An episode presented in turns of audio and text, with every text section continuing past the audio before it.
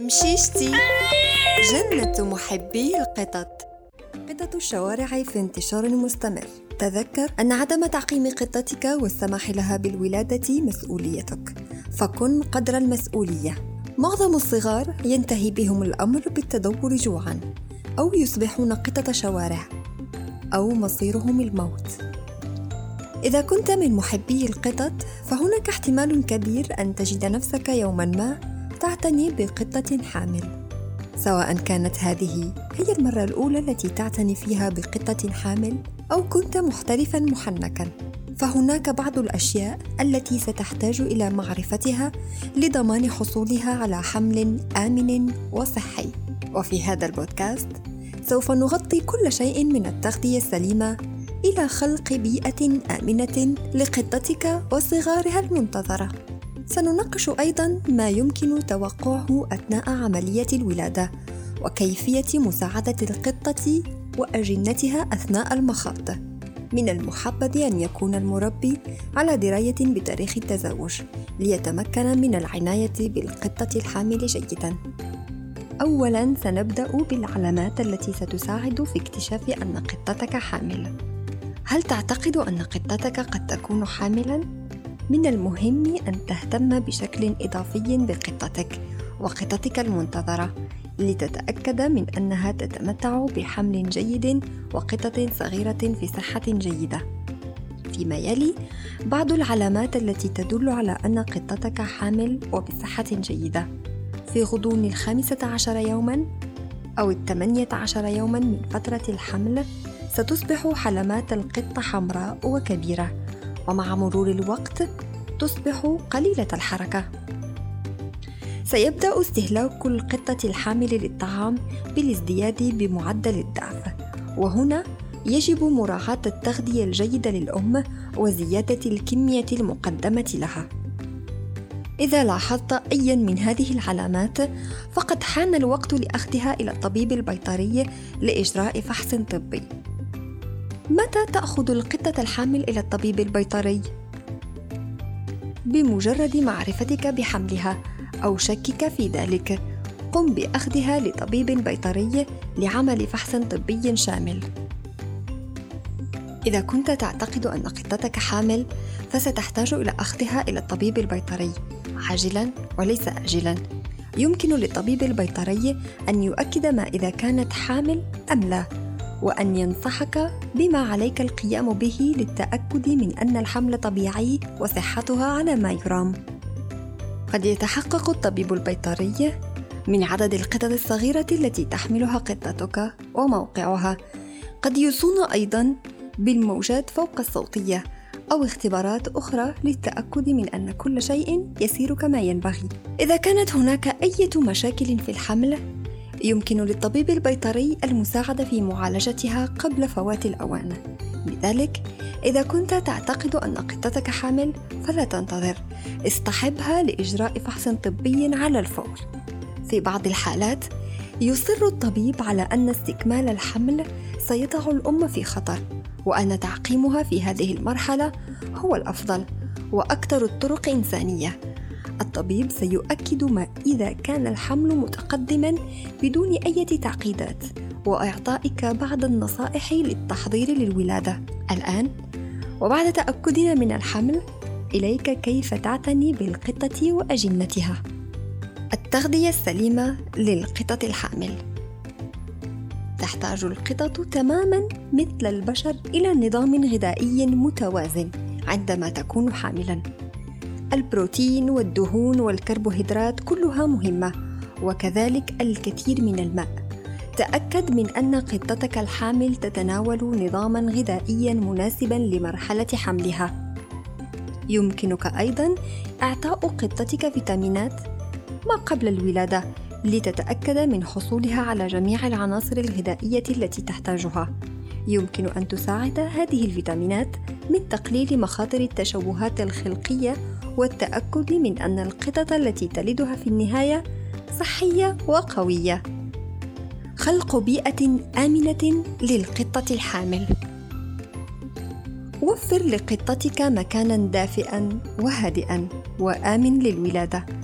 يجب ألا تحتوي على روائح قوية غرفة الغسيل أو الحمام أماكن مثالية لذلك ستحتاج إلى توخي مزيد من الحذر للتأكد من أنها تحظى بالاهتمام الذي تحتاجه لتتمكن من الحمل وتربية قطط صغيرة بأمان. حافظ على نظافة صندوق القمامة الخاص بها وتأكد من أن لديها الكثير من الأماكن للاختباء والاسترخاء. تجنب استخدام الكيماويات القاسية حول منزلك لأن القطط الحامل أكثر حساسية للسموم. إبعادها عن القطط أو الكلاب العدوانية وكذلك الشوارع المزدحمة والأماكن الخطرة الأخرى. إليك الآن كيف تساعد القطة وأجنتها أثناء المخاض؟ اعرف علامات المخاض أولاً، فمن العلامات المعروفة التي تمكنك من معرفة وقت المخاض هناك لعق الفرج، اللهث، والتنفس بصعوبة، الخرخرة والبكاء بصوت عالي، التوقف عن الأكل والتقيؤ بمجرد أن تختار قطتك المنطقة التي ستلد فيها من الأفضل أن تتركها بمفردها وتراقب من مسافة آمنة ولكن ابق قريبا كفاية للتدخل عند الضرورة. إذا كانت قطتك تعاني من تقلصات واضحة لأكثر من 60 دقيقة بدون ولادة أو في حالة إذا مرت أكثر من ساعتين دون خروج رضيع آخر اتصل بالطبيب البيطري فورا. لا تنسى إذا كانت قطتك ذات شعر طويل سيتوجب عليك قص الشعر حول منطقة الفرج مقدما حوالي يومين أو أسبوع قبل الولادة. حضر نفسك أنت أيضا وكن مستعدا لأي تعقيدات اغسل وعقم يديك في حالة تدخلك للمساعدة. لا تقطع الحبل السري معظم الأمهات ستمضغه بنفسها. إذا لم تفعل الأم استشر طبيبك. ننتقل الآن إلى الأمراض الشائعة لدى القطط الحامل إذا كنت مالكا لقطة غير معقمة فهناك فرصة كبيرة أن تجد صديقك الماكر يمر بالحمل في مرحلة ما وعلى الرغم من أنها بالتأكيد مناسبة سعيدة فمن المهم أن تكون على دراية بالمضاعفات الشائعة التي يمكن أن تحدث خلال هذا الوقت. على سبيل المثال، هل تعلم أن القطط الحامل أكثر عرضة للإصابة بالتهابات المسالك البولية؟ هذا لأن أنظمتهم تعمل بالفعل لوقت إضافي، والضغط الإضافي لحمل القطط يمكن أن يجعلهم أكثر عرضة بالإصابة بالعدوى. شيء آخر يجب الانتباه إليه هو اليرقان. يحدث هذا عندما لا يعمل الكبد بشكل صحيح ويمكن أن يتسبب في ظهور لون أصفر على جلد القطة ولثتها. إذا لاحظت ذلك فتأكد من اصطحاب قطتك إلى طبيب البيطري على الفور. من خلال إدراكك لهذه المشكلات المحتملة يمكنك اتخاذ خطوات لمنع حدوثها. والتأكد من حصول قطتك الحامل على الرعاية التي تحتاجها. الاعتناء بالقطة بعد الولادة مع صغارها. بعد أن تلد قطتك من المهم حقا أن تراقبها عن كثب. ستوفر قطتك لأبنائها كل ما يحتاجونه بشكل طبيعي. تتمكن من الاعتياد على مرحلة الأمومة. كنا قد تحدثنا على توفير مكان دافئ وهادئ وآمن لقطتك وأطفالها. ما عليك القيام به الآن؟ هو الحفاظ على دفء الغرفة لها ولقطتها الصغيرة. تأكد من أن الفراش الخاص بهم نظيف وجاف حافظ على الهدوء في الغرفة ولا تسمح لأفراد الأسرة بمواصلة إزعاجها.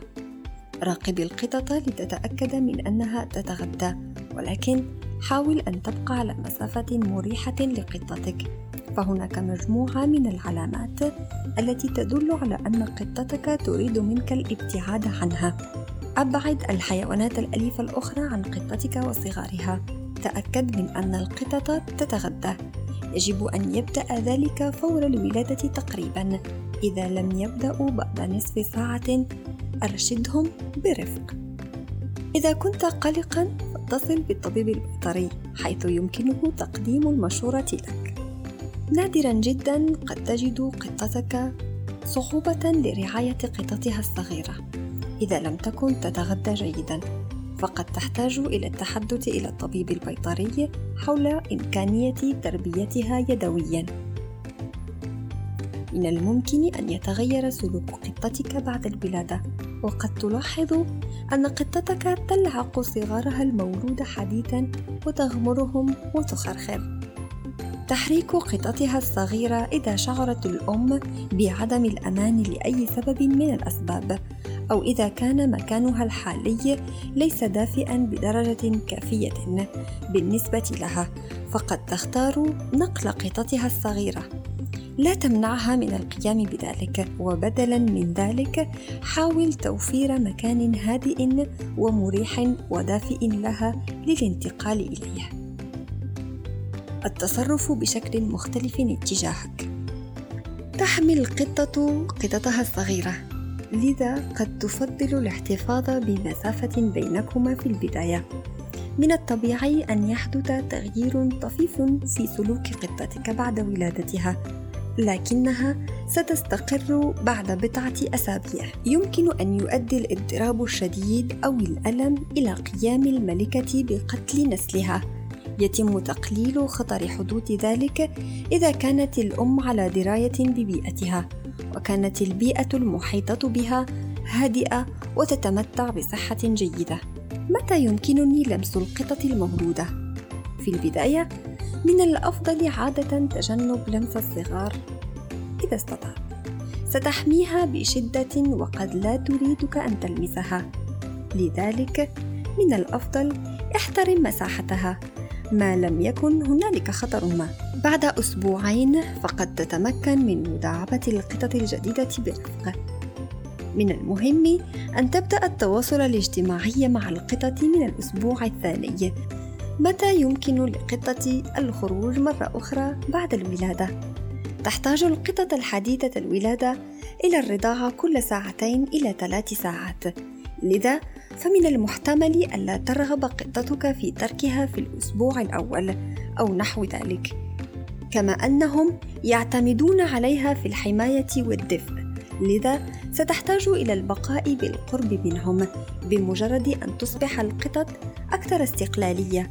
ستتمكن الأم من الخروج مرة أخرى إذا لم تكن قد فعلت ذلك بالفعل بعد أسبوع واحد. اصطحب القطة الأم والقطة الصغيرة إلى الطبيب البيطري لفحصهما جيدا. إذا لم يتم تطعيم القطة الأم فسيكون هذا هو الوقت المناسب للقيام بذلك. قد تحصل على علاج للديدان الأسطوانية لحمايتها هي وصغارها. وتماما كما هو الحال مع حالات الحمل البشري تحتاج القطط الحامل إلى الكثير من الاهتمام والرعاية. تحدثنا في هذا البودكاست عن الأشياء التي يجب وضعها بعين الاعتبار وهذه أهم النقاط التي تحدثنا عنها. أولاً تأكد من أن قطتك الحامل تحصل على نظام غذائي متوازن. ستحتاج إلى بروتين وسعرات حرارية أكثر من المعتاد لذا أطعمها نظاما غذائيا غنيا بكليهما.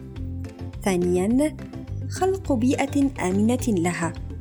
أبعدها عن السلالم والأماكن الأخرى التي قد تسقط فيها وأبعد أي نباتات أو مواد كيميائية سامة. ثالثا تأكد من أن لديها الكثير من الأماكن للراحة والاسترخاء. غالبا ما تتعب القطط الحامل بسهولة. لذا امنحها الكثير من البطانيات الناعمة لتغفو عليها وصناديق من الورق المقوى لتلتف فيها. وأخيرا تأكد من منح الملكة الكثير من الحب والاهتمام لتشعر بالراحة والأمان. ننتظرك على جنة محبي القطط www.mshisti.com